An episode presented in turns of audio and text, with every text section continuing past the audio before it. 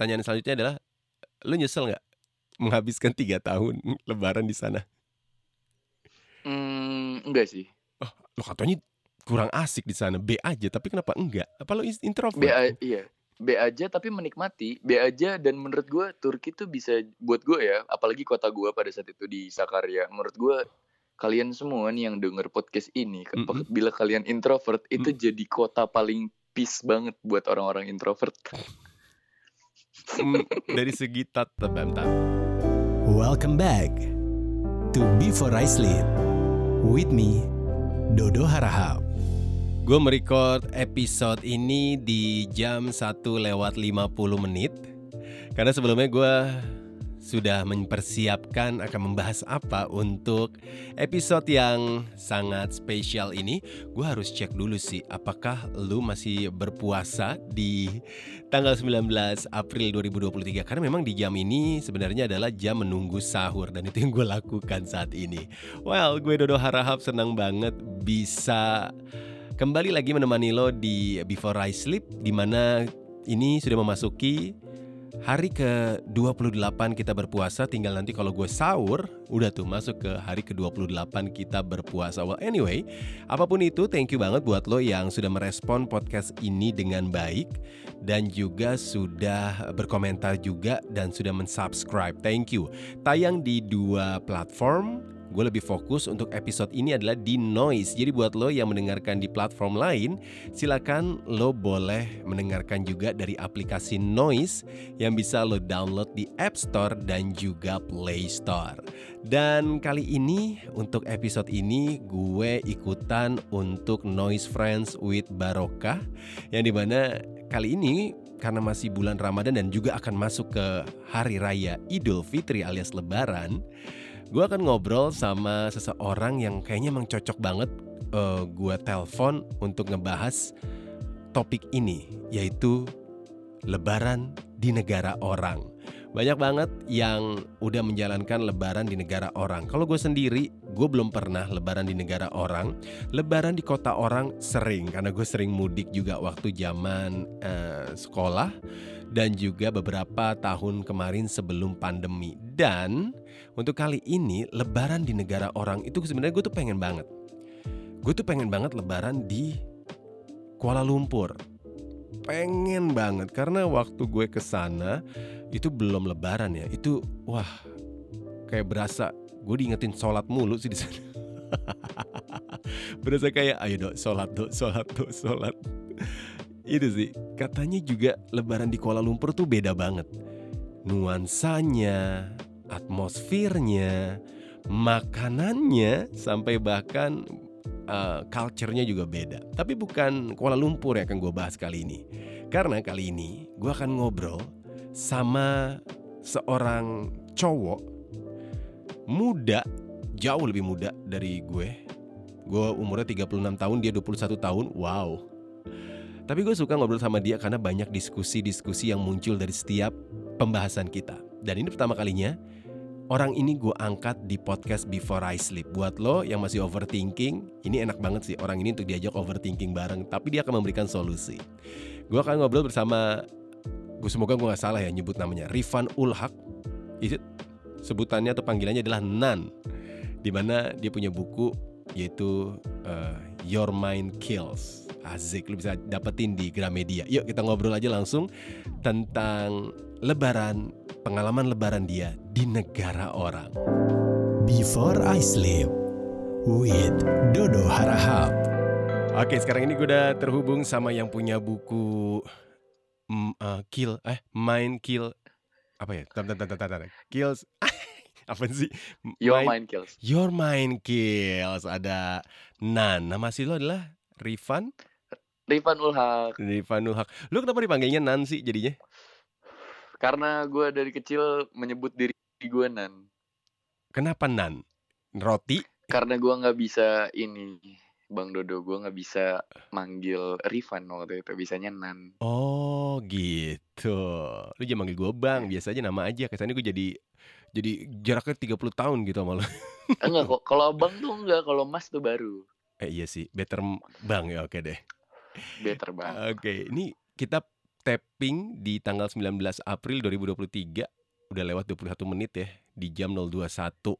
Sama nggak sih? Oke. Soalnya lu tuh Iya, di daerah Serang ya. Iya di daerah Serang Banten. Panas gak sih lo siang hari ini yang tadi kemarin-kemarin Siang hari tuh untuk Banten? panas. Parah ya? Hmm, panas sih tapi sore jam 2 jam 3 tuh hujan hujan gede banget. Asli, itu udah random banget gitu. Wah itu tapi enak sih jadi adem parah gitu karena Jadi- akhir-akhir ini emang panas banget ya kan. Kayak nungguin buka puasa jadi lebih gampang ya cobaannya. Itu sih. Asli.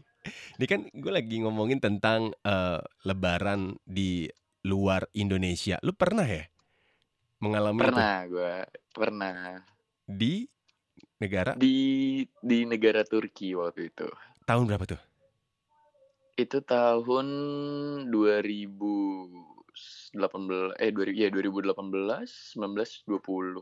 Wih, tiga tahun lo berarti. Eh gue tiga kali lebaran di luar terus kayaknya tuh ya. Eh dan lu terus gak balik gitu ke Indo pas Lebaran? Enggak karena karena mahal. Asli sih. Dan lu, oke, Eh, lu nggak balik karena mahal. Berarti lu di Turki itu sekolah. Enggak, soalnya kalau lagi musim kan kalau puasa tuh biasanya Ramadan, bulan Ramadan di Turki tuh biasanya lagi musim panas. Oke. Kebetulan kalau musim panas itu kan ada libur panjang ya, ada summer holiday. Heeh. Oh, Hmm. jadi emang pas libur jadi, jadi lo emang karena nggak balik karena lo emang tiketnya mahal banget ya. Eh, enggak mahal ba- mahal banget sih, lebih kayak eh, ya daripada itu mending kerja aja nggak sih di situ. Asli lu dari dari dini sudah mm, apa menerapkan ke- ini ya culture asal culture ya. Bekerja adalah lebih ke passionku. sebenarnya emang di sana peluangnya lebih gede sih buat kerja. Ah serius loh. Jadi lo lebaran-lebaran tuh malah kerja atau emang lo stay aja menyimpan semua yang udah lo dapatkan itu? Nah, kayaknya pas puasanya mungkin ya atau enggak pas lagi libur summer itu gua kadang ngambil kan itu jatuhnya eh, apa sih namanya freelance juga kan? Hmm, karena ya paling nge-guide doang kayak gitu. Tapi itu kan lumayan. Lumayan buat sih. mahasiswa seperti aku pada saat itu. Pada saat itu. Nah, eh apa yang lo rasain lebaran di Turki yang berbeda dengan Indonesia? Ini pertanyaan klise banget sih sebenarnya sih.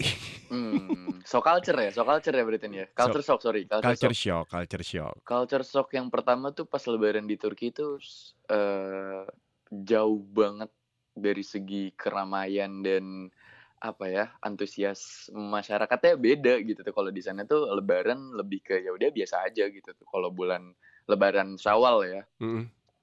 Hmm, jadi ya udah kayak kan kalau kita di sini biasanya sholat id abis sholat id tuh kita salam salaman Hmm. kadang kalau misalkan yang di kampung tuh kita keliling Mm-mm. eh salam salaman sama orang gitu kalau di sana nggak kayak sholat pun ya udah sholat udah pulang ke rumah dan melanjutkan aktivitas seperti biasa Semua, semuanya kayak gitu warga itu, warga Turki. semua berarti kalau misalkan ke Turki terus ada yang seperti itu berarti dia orang Indonesia Oh serius lu? Jadi mereka udah, udah serius abis abis sholat id udah tuh nggak ada tuh yang namanya tuh keliling ny- nyamperin rumah satu-satu nyobain kue nggak ada nggak ada. Nggak ada. Yang open house ya rumah-rumah orang Indo doang. An- apart-apartnya orang-orang Indo Oh. yang stay di situ. Soalnya eh gue juga gitu bang. Kayak masak-masak sama teman-teman terus open house sama teman-teman Indo yang lain. Jadi kayak ayo kalau mau makan ke rumah gitu tetap ya apa culture Indonesia ini di- dipertahankan di culture negara Indonesia tetap dibawa Berarti warga lokal di sana setelah sholat id udah langsung udah ya udah gue punya kerjaan gue lanjut lagi atau gue tidur tiduran aja gitu. nah dan akhirnya gue tahu ternyata emang di sana yang lebih dimeriahkan itu sebenarnya Lebaran Idul Adha daripada Lebaran Idul Fitri Hah? Kenapa kayak gitu? Idul Adha kan itu kan kurban kan dan Heeh. itu rame banget soalnya bagi-bagi daging dan yang lain-lain kayak gitu Oh lebih ke logistiknya ya berarti. Iya. Wah, berarti materialistik berarti ya. Berarti mereka tuh kayak kalau apa lebaran ya gue pasti akan ngeluarin THR jadi gue ngapain juga gitu ya gue Ah. merayakan tapi kayaknya emang di Turki itu emang gak ada THR kan kayak THR tuh cuma ada di Indo ya Hmm, nggak ada. iya kan Nggak ada THR tuh cuma THR. budayanya Indonesia kan Oh, tapi ada, Mas.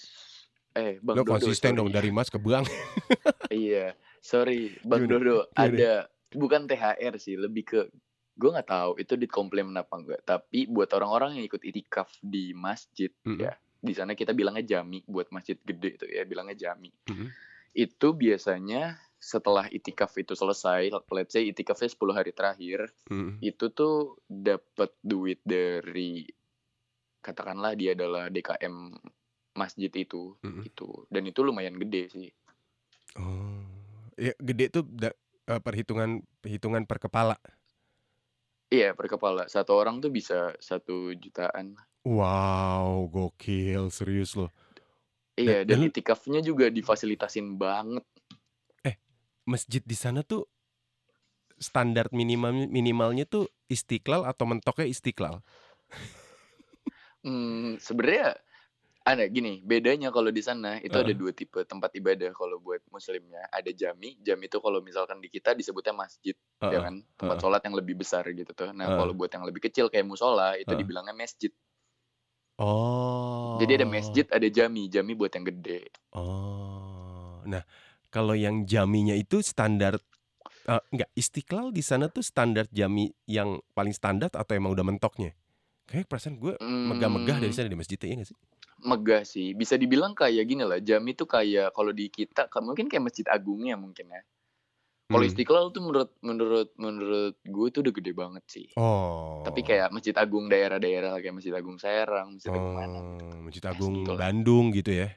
Iya. Oh, oke oke oke. Nah, ini balik lagi nih ke lu 3 tahun 2018 sampai 2020 apa 2021? Iya. Mmm, eee, apa sih yang unik di Turki? Lebaran. Apanya tuh pas Pas lebaran. pas lebaran? Heeh, Yang sel uniknya tuh sebenarnya ya itu, dari perbedaan yang gue dapetin sih. Heeh. Heeh, kayak gini, kalau berbicara soal agama juga di Turki kan sebenarnya enggak bold banget gitu. Mereka enggak keluar-keluar perihal agama lah Mhm. gitu. Dan yang seru kalau Mmm. misalkan di bulan Ramadan, Mhm. gini, eee, jadi ada satu culture di Turki tuh yang mana si ada satu orang, let's say dia adalah pengurus masjid, dia itu jadi peran sebagai Nasreddin Hoja. Itu siapa tuh? Nah, Itu siapa tuh? si Nasreddin Hoja ini, Heeh. itu tuh kayak jatuhnya kayak apa ya, bisa dibilang kayak badut tapi ngedukasi. Ah? Jadi Oh, ah iya iya. hah? Iya gue Ah tahu. hah. Gue gue gue gue kebayang deh kayak yang make topinya agak kayak balon gitu nggak sih? Nah, iya gitu. Pokoknya yang Oh. pakai pakai itu sampai atas-atas lah, kayak Heeh gitulah pokoknya, heeh. pakai jubah. Nah, itu tuh itu yang gua rasa kayak, wah anjir ini hal ini positif banget gitu tuh. Kayak di situ gue dapat perbedaan kayak Mhm. kalau ngelihat anak kecil di Indonesia itu di masjid terus bercanda-canda itu dimarahin, kalau di Turki tuh malah mereka diajak main. Bahkan sampai kemarin gue lihat story temen gua, Mhm. si Nasreddin yang Hojanya ini kayak ngajak anak-anaknya tuh buat main tarik tambang dan itu di Anjir. jami malah di masjid gede di dalamnya. Anjir kok kita mah kalau misalnya kita perang sarung kan malah diusir ya. Iya. Iya kan? Wah, gila keren banget ya. Gue baru baru kebayang karena Turki itu kalau di bayangan gue tuh emang walaupun mungkin bukan ya, itu adalah negara Islam tapi nggak 100% Islam kan. Ya. Nah, dan dia, eee, dari segi rasnya juga Caucasian nggak sih? Kenapa? Dari rasnya tuh Caucasian nggak sih? Rasnya Caucasian Eee, rata-rata bis cowok-cowoknya, cewek-ceweknya gitu orang-orangnya. Mata-matanya tuh kayak Di kayak nggak Arab total gitu kan. Ya, sebenarnya malah masuk ke ASEAN juga emang. Oh, oke. Iya, Nah jadi heeh? ah, kata orang gue gue pernah ini dari temen gue itu ketemu sama orang-orang di Kapadokia yang mana mereka tuh adalah orang-orang desanya gitu tuh. Mhm. Terus temen gue ditanya kayak, "Lo orang Turki ya?" gitu. Mhm. Terus dia bilang, "Bukan," gitu. Terus ditanya, "Kenapa kenapa kamu nganggep saya orang Turki?" Katanya gitu. Sedangkan dia tuh Chinese banget gitu. Oke. Terus dia bilang, "Turki asli tuh mukanya kayak kamu," gitu. Oh. Yang matanya agak dalam ya, yang kayak Sipit, ya mungkin celung. kayak orang-orang Mongol kayak gitu lah, Iya, bener sih. Iya sih, bener sih. Karena emang rata-rata tuh kan orang kalau liburan ke Turki ya, bahkan waktu pandemi udah longgar di kita itu yang langsung buka barrier itu adalah Turki kan. Border-nya itu Iya, soalnya Turki. Turki bebas. Iya Tahu nggak pada saat itu kayak gimana, Bang Dodo? Kayak gimana? Pada saat itu kan gue masih di sana ya. Heeh. Jadi pada saat itu tuh kita sebagai sebagai mahasiswa yang udah dapet resident permit di situ Mhm. dan orang-orang Turki lainnya, Mhm. kita dilarang untuk keluar rumah. Terus? Tapi turis boleh jalan-jalan. Jadi oke, gue bisa ngambil kesimpulan adalah bahwa berarti itu pemerintah adalah mempersilahkan untuk uh, orang luar masuk supaya mungkin ya, ini mungkin ya, uh, perekonomian dari uh, segmen wis ah, bukan segmen dari ranah wisata mereka tuh jalan dulu, tapi orang-orangnya diselamatin untuk di rumah aja gitu gak sih? Betul, betul, betul. Karena iya balik lagi sumber income uh, ekonomi Turki pun lebih besar malah paling gede itu dari pariwisata. Nah karena emang uh, dia tuh nggak nggak aduh paling gampang syaratnya lagi untuk bisa masuk ke sana Iya kan, bebas visa lagi sekarang. Iya bebas visa terus udah pasti tuh oleh-olehnya itu tuh yang kayak apa kayak yangko yangko jajanan Jawa. iya gak sih? Itu. Iya iya iya iya manisan-manisan gitu Manisan. kan baklava. dan- Baklava. Eh pertanyaan gue selanjutnya Lebaran. Pemerintah Turki gimana dalam menyambut hari Lebaran? Karena gini, kalau istri gue yang udah pernah ke eh, Brunei itu rajanya itu open house. Oke. open house eh jadi lo boleh dat boleh masuk bukan raja sih dia ya, ya emang emang kerajaan bukan kerajaan ya kayak sultan ya gitu dia open house semua warga boleh dan ya emang kan Brunei kan ya mobil aja lo ngambil duit di ATM mobilnya masih nyala mesinnya juga ditinggal nggak apa-apa gitu kan nah itu Nah. nah itu yang di Brunei nah kalau Turki gimana dari pemerintahannya sendiri Hmm, nggak ada sih paling ucapan doang kayak Ya, Bayram lempeng ya. besar Kutlo Olsun gitu doang kayak ucapan-ucapan gitu di spanduk paling Kutlo Olsun apa Kutlo Olsun Kutlo Olsun iya kayak Kutlo Olsun anjing. Selamat Hari Raya gitu doang. dan itu pemerintahnya Muslim gak sih Eh sebenarnya kalau ngomongin muslim apa enggak, kalau ngomongin muslimnya orang Turki itu tuh Hmm. beda-beda. Hmm. Jadi orang Turki walaupun mereka ngaku mereka adalah orang Islam, Hmm. mereka belum tentu sholat lima waktu. Oke. Iya, jadi jangan heran kalau misalkan ya di antara misalkan misalkan Bang Dodo ke Turki terus ditanya agamanya apa gitu. Orang Hmm. muslim bukan, let's say kayak gitu. Terus Hmm. misalkan diiyain, Hmm. pasti bakal ada pertanyaan selanjutnya yaitu sholatnya sholatnya lima waktu apa enggak gitu. Lah, terus Kalau enggak sholat enggak gitu kan ya. Padahal hal itu mungkin di di kita orang-orang Indonesia itu udah jadi suatu kewajiban kan. iya. Nah, berarti Hmm. kalau jawabannya sholat, iya sholat lima waktu dan ada yang jawab Iya. enggak enggak sholat lima waktu, itu ada ada strata ada stratanya dong. Ah, eh, ada ada. Bahkan dosen dosen gue sendiri pun dia yang emang Islam, dia pun malah sampai kayak benci sama suara azan Oh dan shit. gak mau rumah apartnya itu deket jami. Oh shit, serius loh. Wah, anjir. Serius karena Islam di sana liberal bisa dibilang kayak gitu. Hmm, pantas. Makanya Erdogan tuh try hard banget tuh dia. Asli. Oh iya bener. Wow, menarik ya. Ternyata Turki tuh segit. Ini yang yang nggak nggak nggak disorotin orang sih ya ketika Muslim ternyata Iya, ada soalnya mereka fasis. anjir. Ada kasta-kastanya ya emang ya berarti sholat lima waktu apa enggak. Nah, lu di sana eh, leb- Lebaran itu berlangsung berapa hari? Se nggak nyampe sehari sih paling. Kayak Astaga. takbiran, takbiran aja nggak ada gitu kan. Oh my god, gak ada sehari ya, Bang. Jadi buat Gak i- ada takbiran tuh nggak ada. Ya paling itu juga kita ngada-ngadain kan kayak kita masak dari malamnya gitu buat besok kita open house buat teman-teman Indo yang lain. buset Ya apa udah make apa kabar ibu-ibu di sini yang yang masak banyak berpanci-panci buat tiga hari anjir? Nah itu sih Gila, nggak ada sehari. Udah hilang gitu Gak ada gregetnya. kayak Iya kayak abis sholat Terus kita balik. Makan-makan Foto-foto kan Biasanya gitu kan Terus ya udah gitu Siangnya tuh Ya gue pun udah ganti celana pendek Terus rebahan-rebahan lagi gitu Nah, menarik nih. Lo ganti celana pendek. Emang apa pakaian khas yang harus digunakan ketika lebaran di Turki? Karena kalau di Indonesia kan udah pasti baju koko, kalau nggak baju yang lo beli emang khusus buat lebaran yang udah lo beli lah tuh ya. Oh oke oke Kalau di sana Oke, apa? ya? Kalau di Turki apa? Oh iya ini menarik sih? Kalau di Turki sendiri Untuk pakaian ibadah itu nggak ada Jadi kebanyakan Kalau misalkan gini Bang Dodo scroll di itu video pernah gue videoin juga dan gue masukin ke TikTok gue waktu dulu Mm. dan itu booming banget sampai ya mungkin hampir 10 juta view pada saat itu ya Wow. Terus? Itu gue sholat ya sholat di sana pasti orang-orang sholat tuh ya paling cuman pakai celana jeans dia yang Hmm. tahu udah berapa tahun sama pakai jaket paling. Anjir, pakai jak anak motor atau apa gimana? pakai kaos aja biasa gitu. Iya. Iya kayak biasa aja. Even sholat jumat pun nggak ada yang pakai pakaian ibadah. Kayak misalkan di sini koko koko tuh identik sama pakaian buat ibadah buat sholat dan lain-lain. Kalau di sana nggak ada. Oke. paling cuman buat imamnya aja. Imam Baru- sholat paling pakai pakai jubah gitu Baru gue sama nanya, peci buat imam. imamnya pakai apaan? Masa jadi imam Iya. pakai baju bola? Nggak mungkin. Tapi yang pakai training kebanyakan orang-orang pakai training sih sholat. Astagfirullahaladzim, serius loh? Wow. Iya, bak emang di Timur Tengah kayak gitu, di Mesir pun seperti itu. Oke, berarti udahannya nggak ada tuh yang pakai gamis yang panjang kayak kamu gamis ada. yang satu terusan gitu nggak ada tuh. Nggak ada. Diskon lebaran tuh jadi nggak ada di sana. Bangsat sih lebaran anjir. iya kan biasanya apa namanya toko-toko clothing kan diskon lebaran gitu kan. Anjir. Nggak ada tuh yang Karena kayak culture di sini lebaran baju baru. parah. Nggak ada tuh ya tanah abang di sana yang yang barbar gitu nggak ada ya. nggak ada. Buat apa juga? Anjir. Ternyata perekonomian di sana ketika lagi lebaran tuh nggak bergejolak banget berarti ya. Biasa aja udah. Nggak, Wow. Ah, nggak biasa aja. Nah. Iya biasa aja. gue mau tanya deh. Ini ini pertanyaan gue yang paling absurd kali ya. Eh sebenarnya nggak penting juga tapi gue penasaran. Eh badan mereka bau gak sih?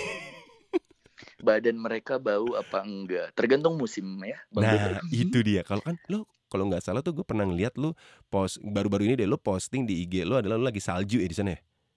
Ya, Kalau lagi musim panas lebih nyengat kalau yang lagi musim, musim panas, panas atau yang musim dingin? kalau ngomongin bau pasti dari musim panas dong. Iya dong. Tapi bisa aja Iya kalau kan? dingin tau-tau ada yang ke trigger apanya nggak ada. ya? Eh, enggak, biasanya kalau musim dingin tuh orang kan rentan ya mereka pada kering gitu kan, Hmm. gara-gara dingin kan. Hmm. Kalau musim panas sebenarnya baunya juga bau-bau yang emang apa ya kayak bau, emang bau badan cuman Masih bisa diterima. ba- enggak juga sih nggak Anjir. bisa. Kalau buat buat gua nggak bisa bang. Aduh. Aduh. Aduh kebayang lagi. apalagi apalagi kalau misalkan naik angkot gitu kan. Ad- ada angkot di sana. Ada dolmus gitu. Kalau di kita tuh mobilnya tuh kayak mobil-mobil travel gitu lah.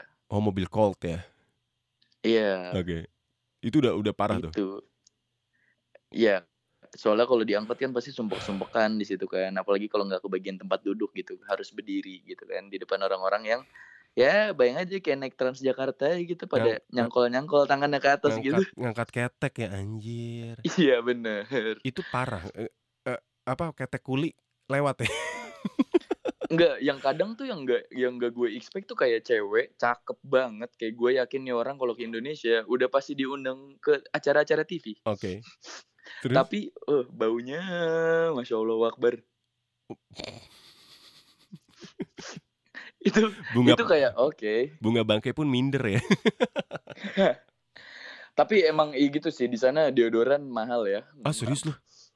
Serius kayak harganya lebih mahal daripada di sini. Anjir. Itu teman-teman lo oleh-olehin tawas deh dari Indonesia. Parah, Dari ya. Indonesia udah stok MBK. parah bukan lagi. Gila. Dari berarti makanan mereka apa tuh yang men-trigger mereka bau? eh mungkin dari makan makanan sana kan kebanyakan daging dan itu kan plain kan kayak bumbunya tuh yang nggak terlalu tasty jadi Eh. raw-raw aja gitu Bener, gue pernah ngeliat si Mark Wins atau Mark Wins kan, Eh, food, Ah, food, food vlogger yang pernah makan di Indonesia, dia, dia pernah makan di restoran Padang, Mark Wins namanya. Dia tuh pernah bikin konten, aduh gue nggak tahu ini salah apa enggak ya. Di Turki dia tuh kayak makan nasi dicampur daging kambing apa domba dicampur yogurt dikepel-kepel. Iya, itu, benar, itu Turki bukan sih? iya iya iya Apa namanya ya? Jadi tuh dikepel-kepel dibikin bola-bola baru dimakan. Dikepelnya juga nggak dikepel banyak tapi kayak dilempar bulat-bulat gitu ya kan sih? Ada kan kayak gitu ya? oh iya iya iya itu iya bener daging sih itu itu namanya ini aduh kok gue lupa ya namanya kofte Kofte. Iya iya bener kayak kofte. Nah itu di lebaran muncul nggak tuh? Atau enggak? Biar biasa aja. enggak itu enggak lebaran juga ada terus Lo pernah nyobain itu? pernah dong emang kebanyak banyak juga orang nggak suka ada juga yang suka kalau gue sih sebenarnya masih suka-suka aja bang kalau makanan kayak gitu Oke. Nah itu kan pakai Hmm. pakai apa susu yogurt yang asem ya katanya. Nah, kalau susu eh, apa yogurtnya itu kan dico Bentar, yogurtnya ini dimi- yang lu lihat tuh diminum apa dicocol? Bukan dicocol, disiram malah ke nasinya. Oh ya, iya itu yogurt. Iya Nah, kan? gue biasanya nggak pakai yogurt Nggak sanggup ya? karena Nggak sanggup ya? nggak nggak sanggup sih.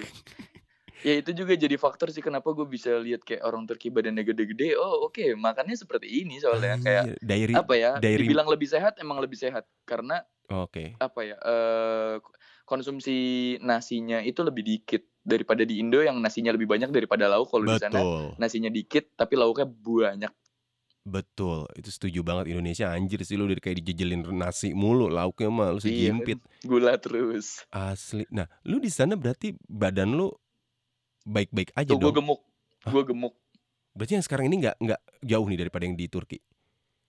jauh. Gue gemuk, gue gue berisi lah maksudnya nggak nggak nggak gemuk gemuk banget, cuman kayak berisi lah gitu tuh lebih pipi Basah. gue tuh lebih cabi gitu tuh. Apa makanan yang gak lo suka di sana? Yang menurut lo itu lo buat nelennya aja susah. Em, buat nelen susah, makanan yang buat nelen susah. Maksudnya yang nggak nggak- nggak diterima sama mulut lo gitu. Ah, sebenarnya itu pertama kalau makan pakai yogurt gue nggak bisa, Oke. sama airan itu minuman sih. Gue yakin kalau misalkan lu ke ini ya bang ke Turki pasti orang-orang nyaranin lu untuk minum airan. Airan tuh yogurt juga, Oke. cuman dicampur sama garam.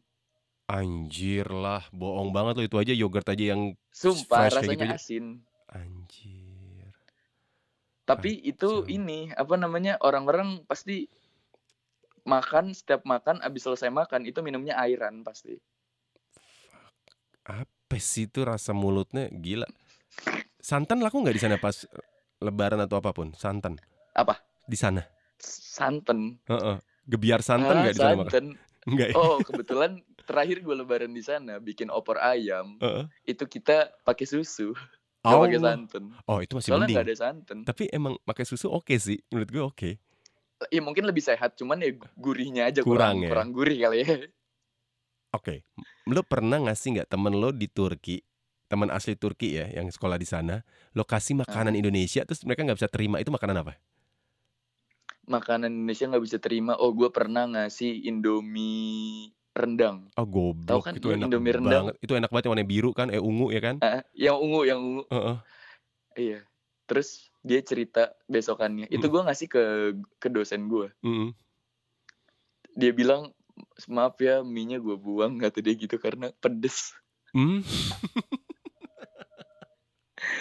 Dan itu dia bilang terlalu banyak bumbunya gitu tuh. Oh, kata emang dia. Emang Dia plain bilang banget. cok ya. baharat lu kayak gitu. Anjir emang plain, lidahnya emang plain banget berarti orang sana ya? Iya, sampai ya gue pun jadi keikut gitu tuh. Kayak tahun pertama gue di sana, itu kan gue nggak bawa kayak saus-sausan kayak gitu kan. Kayak Iya. gue pikir saus ada lah gitu. Iya. Ternyata nggak ada saus pedes gitu. Enad, Sampai akhirnya di di tahun kedua ya deket-deket mau tahun kedua gue beli bagasi waktu itu terus Hmm. dibawain saus saus ABC. Gue pertama kali makan Heeh. cuman buat cocolan nugget doang itu gue mencret 4, 4 hari. Buset, karena karena karena perut lo udah adaptasi ya dengan si Iya. Gara-gara gue udah udah adaptasi. Wow, gila ya. Ternyata secepat itu ya badan tahu-tahu protes ya ketika lo udah makannya healthy. Itu healthy kan ya menurut gue ya, karena nggak ada bumbu kan di sana. Iya? Asli sih, gue jadi suka sayur di sana. Yang sebelumnya gue nggak suka sayur. Ah, serius tuh sayur tuh enak banget. Lo lo nggak suka sayur awalnya? Sebelumnya tuh kayak gue males makan pakai sayur gitu. Dan tapi kalau di sana itu Hmm. kan sop di sana tuh kan beda sama sop di sini kan. Oke. Sop di sana tuh lebih kayak bubur mungkin ya. Oh, kayak bubur Manado gitu ya? Ah, ah, jadi itu tuh gue pernah nyoba bikin namanya merji Chorbase. Itu sop kentang. Jadi cara bikinnya kentang, bawang bombay, Anjir. sama ada si apa namanya si merjimek ini kayak kayak beras gitu dia warna merah heeh. dimasukin ke panci direbus sampai lembek banget terus diaduk sampai kental udah gitu doang cara bikinnya gampang kan Nggak pakai bumbu? Nggak. Dingin dong rasanya. Eh, Hah? Dingin ya kayak anta gitu dong, berarti kayak tawar ya? Oh. enggak sih sebenarnya Dari rasanya tuh malah kayak gini merjimek corbas ya gue bisa bilang itu rasanya kayak kuah indomie soto pakai telur Kayak ada ingredients dari ingredients masing-masingnya ya, berarti keluar ya rasanya. iya Wow. dari kentangnya dari bombaynya sama dari si merjimeknya ini Merji Mac. Aduh gue pernah lagi. Ini out of topic ya dari makanan ya. Gue tuh pernah banget eh s- apa gue jadi komentator voli Turki. poli Kom- komentator voli Turki. Jadi ada Werner Bace, ada oh iya iya aduh apa sih namanya eh HD HD Balatas. Iya HD HD apa ya gitu. Terus nama-namanya kayak gitu kan ada ah itu cewek-cewek tinggi-tinggi banget sih anjir gue bilang wow cantik-cantik banget ya Mhm. Dan pun cowok-cowoknya juga ngeri menurut gue badan-badan yang main volley dari quotes-nya juga Iya. wah anjir. Semes bilang, "Nah, lu di sana tergerak nggak untuk ikutan klub olahraga khasannya ya, ya, volley kali ya di sana ya yang gerak yang- Olahraga Hasan. Paling gue mainnya sama teman-teman PPI aja. PP itu apa? Gue tahu sih, maksudnya gue bahkan pernah coba nganalisis kenapa orang-orang Turki itu anak-anak mudanya badan udah gede-gede terus menurut gue maturity-nya tuh udah ada semenjak dia tuh mungkin dari SMA kali ya. Hmm. Pertama karena Turki fasis, kedua karena Turki punya wajib militer. Oh, jadi punya ya? Iya, dia wajib militer. Oke. Makanya cowoknya tegas-tegas kayak gitulah. Tegas-tegas apa tegap-tegap? Tegap dan tegas malah. Oh, bener sih tegas, tegap dan tegas. Oke. Wow, menarik ya. Ternyata di- Iya. negara-negara siap perang juga ya di sana ya. Oh iya dong. Wow. Hmm. Oke. Kan waktu itu diumumin waktu Erdogan itu saya masih di sana loh. Serius lo ya. Rasa lu gimana pas Iya diumumin? pas Hagia Sophia di convert jadi masjid lagi. Sebelumnya kan jadi Iya. museum Heeh. di convert. Heeh. Wah itu udah ada pengumuman kalau Turki bakal diinvasi perang sama Yunani sama Perancis. Anjir ya lagi gue gue inget banget itu berita eh. Iya. Shoot. Itu kacau banget sih. Lu keta oh, gue gue tuh enak banget tuh denger berita-berita kayak gitu kayak yang sulit dijangkau buat gue kayak aduh pengen khawatir cuman ya jauh dari Indonesia tapi bisa dapat imbasnya juga kayak si Iya eh, kan takut si- jadi global. iya kayak jadi si oh, apa Ukraina sama si Turki ini eh Iya. ah, ah, Rusia ini gue bilang ampun sampai si China juga udah mulai berani mau geser si Amrik ya kan Hmm. pelan-pelan ya udah ah. ternyata gitu ya eh, apa namanya Lebaran di Turki B aja bisa dibilang alias biasa aja ya kalau B di- aja, wow B aja. Jadi banggalah menjadi orang Indonesia. Kecuali kalian yang introvert. oh yang introvert harusnya tempatnya di sana Karena ya? yang introvert kan kadang mager gitu kan ketemu orang kayak aduh sosial energi udah habis tapi masih harus salaman. Bangsat tuh gue banget lagi dalam artian gue tuh kayak magernya magernya adalah gue malesnya adalah ya gue kalau Basa-basi. gini kalau di kampung nyokap gue yang di Kebumen ya Iya. abis dari sholat id lo tuh harus lewat jalan yang beda dan lo harus mampir ke rumah satu-satu yang lo lewatin which is lo harus mengambil setiap setidaknya satu makanan yang ada di toples. Kebayang nggak lo satu rumah satu satu rumah satu satu rumah satu. Deh habis itu sampai sampai rumah boker lah gue karena perut gue penuh anjir. Belum lagi pagi-pagi kan kalau di Islam kan lo harus harus makan dulu kan sebelum sholat id kan supaya memastikan lo nggak puasa kan Iya. Nah itu di di di sholat id gue udah ketar ketir perut gue udah panas udah aduh mules juga ya kan Itu sih.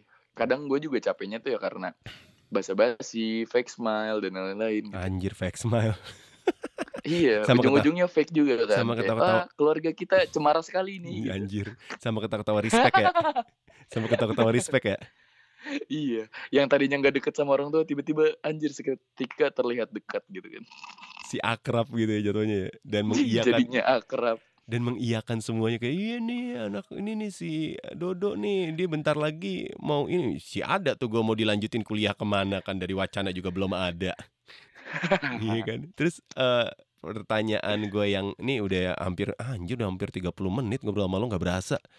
Padahal biasanya gue podcast gue durasinya du- cuma paling panjang ya 20 menit. Masalahnya Turki sini ya. Eh, orang oh pertanyaan selanjutnya adalah lu nyesel nggak menghabiskan tiga tahun lebaran di sana hmm, enggak sih. lo katanya kurang asik di sana B aja tapi kenapa enggak apa lo introvert B a- iya.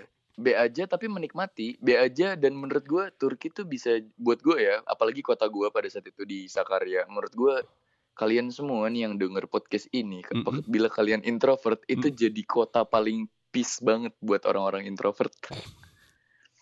Hmm, dari segi tata bentar piece-nya itu dari coba kita breakdown dulu ya dari segi Iya. tata letak tata kotanya itu maju nggak si kota yang lo huni itu Maju karena udah hampir semuanya apart. oke Eh, eh, hmm, lifestyle di sana gimana Lifestyle maju menurut gue sih bang karena ya mereka kiblatnya ke Europe. oke iya benar lagi Iya. lalu kenapa lo merekomendasikan untuk para introvert untuk bisa mendapatkan ke namastean di sana? Karena di sana kalau buat gue sendiri ngelihat dari pribadi teman-teman gue yang orang Turki, mereka tuh lebih dominan individualis Mhm. dan menurut gue itu oke. Oh lo lo lo lo fa Baik. lo oke-oke aja tuh dengan orang kayak gitu ya? Oh oke, oke banget malah gue kayak gitu. Mmm. Ketimbang orang-orang yang sebenarnya nggak ada kerjaan ngurusin hidup orang bla bla bla bla bla. Di sana ya udah lu nggak bakal diurusin hidup lo gitu. Ya udah masing-masing aja gitu. Before I Sleep with Dodo Harahap. Yes, itu dia pengalamannya Nan di Turki yang ternyata banyak banget culture yang kita nggak ketahui ya. Ternyata banyak banget kebiasaan-kebiasaan di negara orang yang ternyata nggak berlaku di Indonesia dan Indonesia juga nggak berlaku di sana. Dan ya itu dia obrolan gue sama Nan. Buat lo yang tertarik untuk eh, lanjutan dari obrolan gue sama Nan tapi di luar eh, Lebaran, gue akan posting tapi gue pengen tahu dulu siapa yang setuju kalau gue akan tampilin episode selanjutnya karena ini obrolan gue sama dia itu panjang. Masalahnya, apakah lo tertarik untuk gue tayangin obrolan gue selanjutnya di episode selanjutnya? Silahkan lo komen, lo bilang aja setuju atau lo boleh berkomentar di aplikasi Noise. Lo yang belum download aplikasi Noise silahkan download di App Store dan juga Play Store N O I C E. Jadi kalau lo suka, gue akan mencari nggak usah banyak-banyak deh. 5 aja deh, 5 yang komentar aja mau dilanjutin obrolan gue sama eh, Nan. Silakan lo komentar dulu ya di aplikasi Noise. Nanti kalau udah masuk ke lima orang, baru gue akan upload untuk episode selanjutnya. Kalau enggak ya udah gue akan switch atau pindah ke topik yang lain. Gue Dodo Harahap, terima kasih untuk kalian sudah mendengarkan episode ini. Episode di mana ini adalah untuk Noise Friends with Barokah. Kita ketemu lagi di episode selanjutnya. Jangan lupa subscribe YouTube channel dan juga eh, Noise Before I Sleep, silakan lo subscribe dan juga follow Instagram @dodoharahap dan juga @podcast B4i Sleep. Dan juga lo boleh follow di platform lainnya yang ada podcast Before I Sleep. Dodo Harahap pamit, kita ketemu lagi di episode selanjutnya. Jangan lupa ya buat lo yang ingin eh, ditayangin episode selanjutnya obrolan gue sama Nan, silahkan komen di bawah. Thank you for listening before I sleep. I'll see you next episode.